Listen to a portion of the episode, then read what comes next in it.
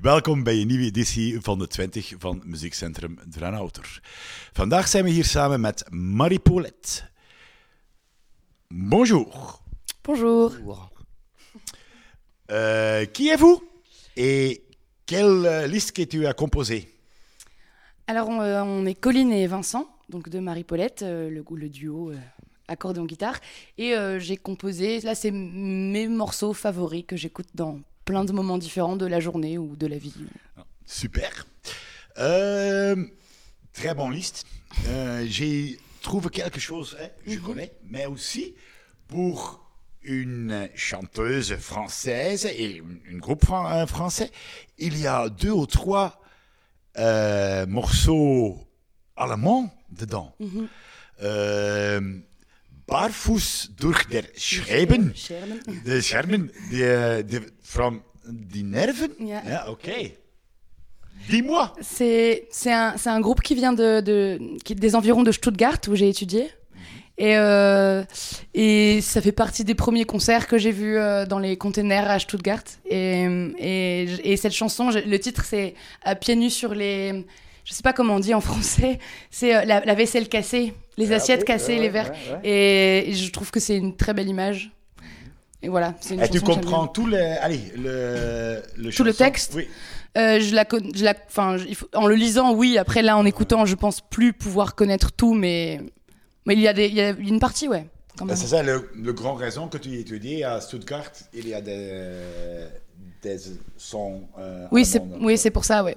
Il y a, y a des groupes que j'ai découverts euh, euh, là-bas, par aussi les amis que je me suis fait là-bas, et, et donc maintenant, c'est des choses que j'écoute encore. Ben, aussi allemand, mais, mais pas très. Mm. c'est eu, euh, le Brandenburg Concerto de Bach. hein.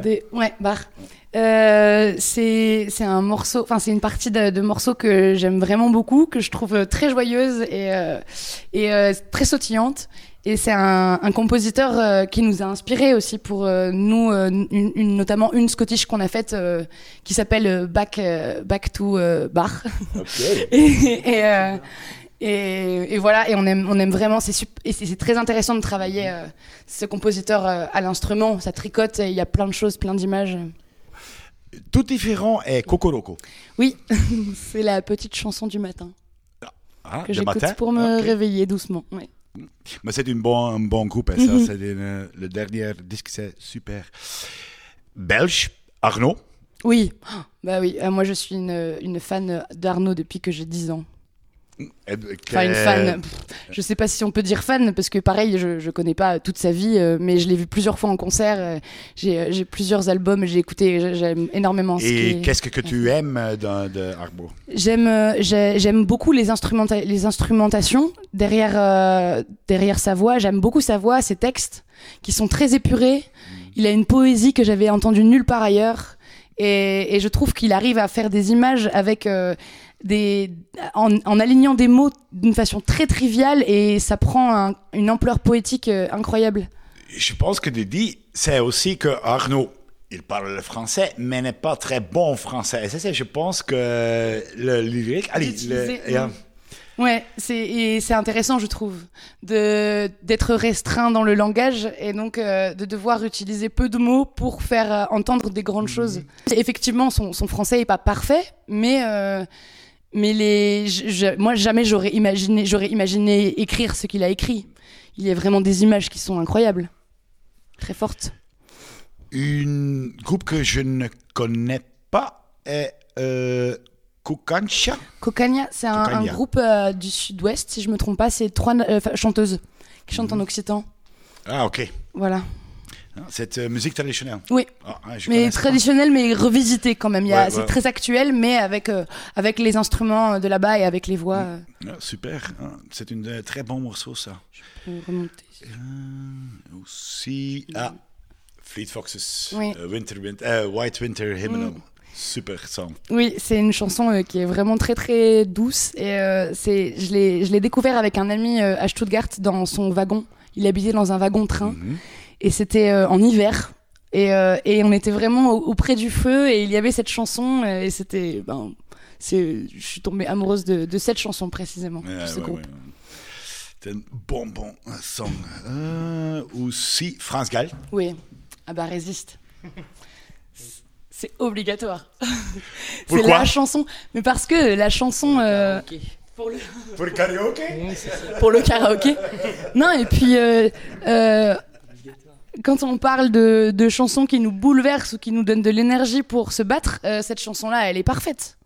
Elle est, elle est super, la musique est super, le- les paroles sont super, elle se retient très bien et enfin, c'est devenu un chant de lutte aussi euh, qu'on peut entendre dans les manifestations en France. ouais. Mm. Super Parquet? Oui.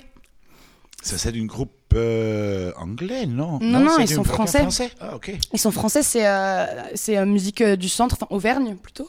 Ah, mais euh, électro.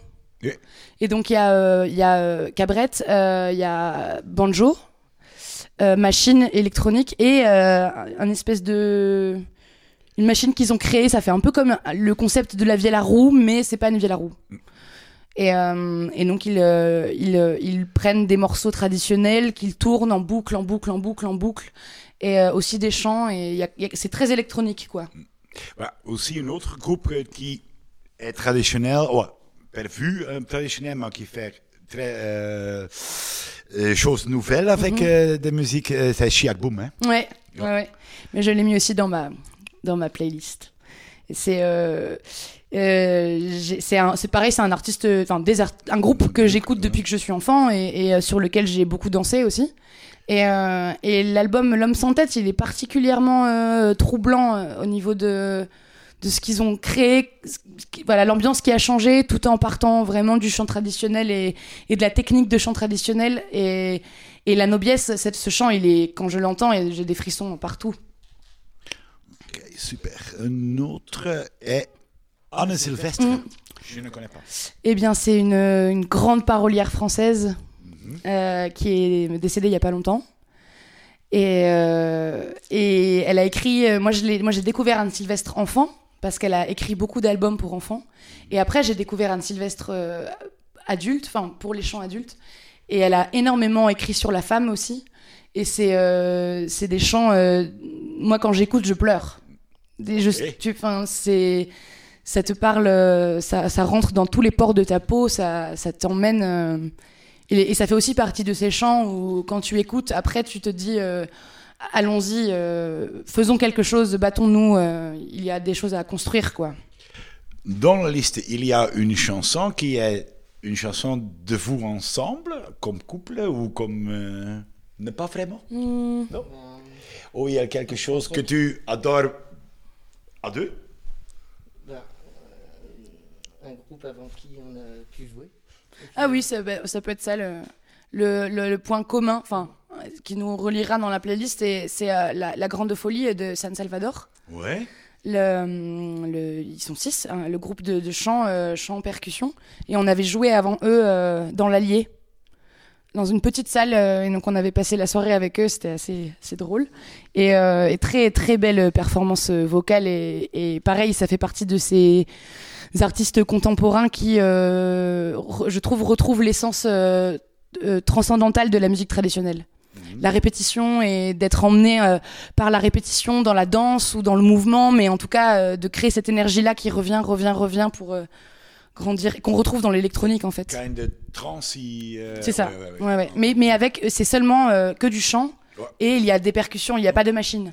Ah, ok, Et c'est incroyable à voir. Comme, trois euh, femmes et trois hommes. Ah, ok. De- et il y a aussi un groupe occidental, euh, ah ben, euh, les Mécanos. Tu connais lui Ah, je, je, on, en a, on en a parlé il n'y a pas longtemps, Ah, mais je ouais. connais pas. Il faut que Il j'écoute. vient au festival Ah, euh, ok. cet été. D'accord.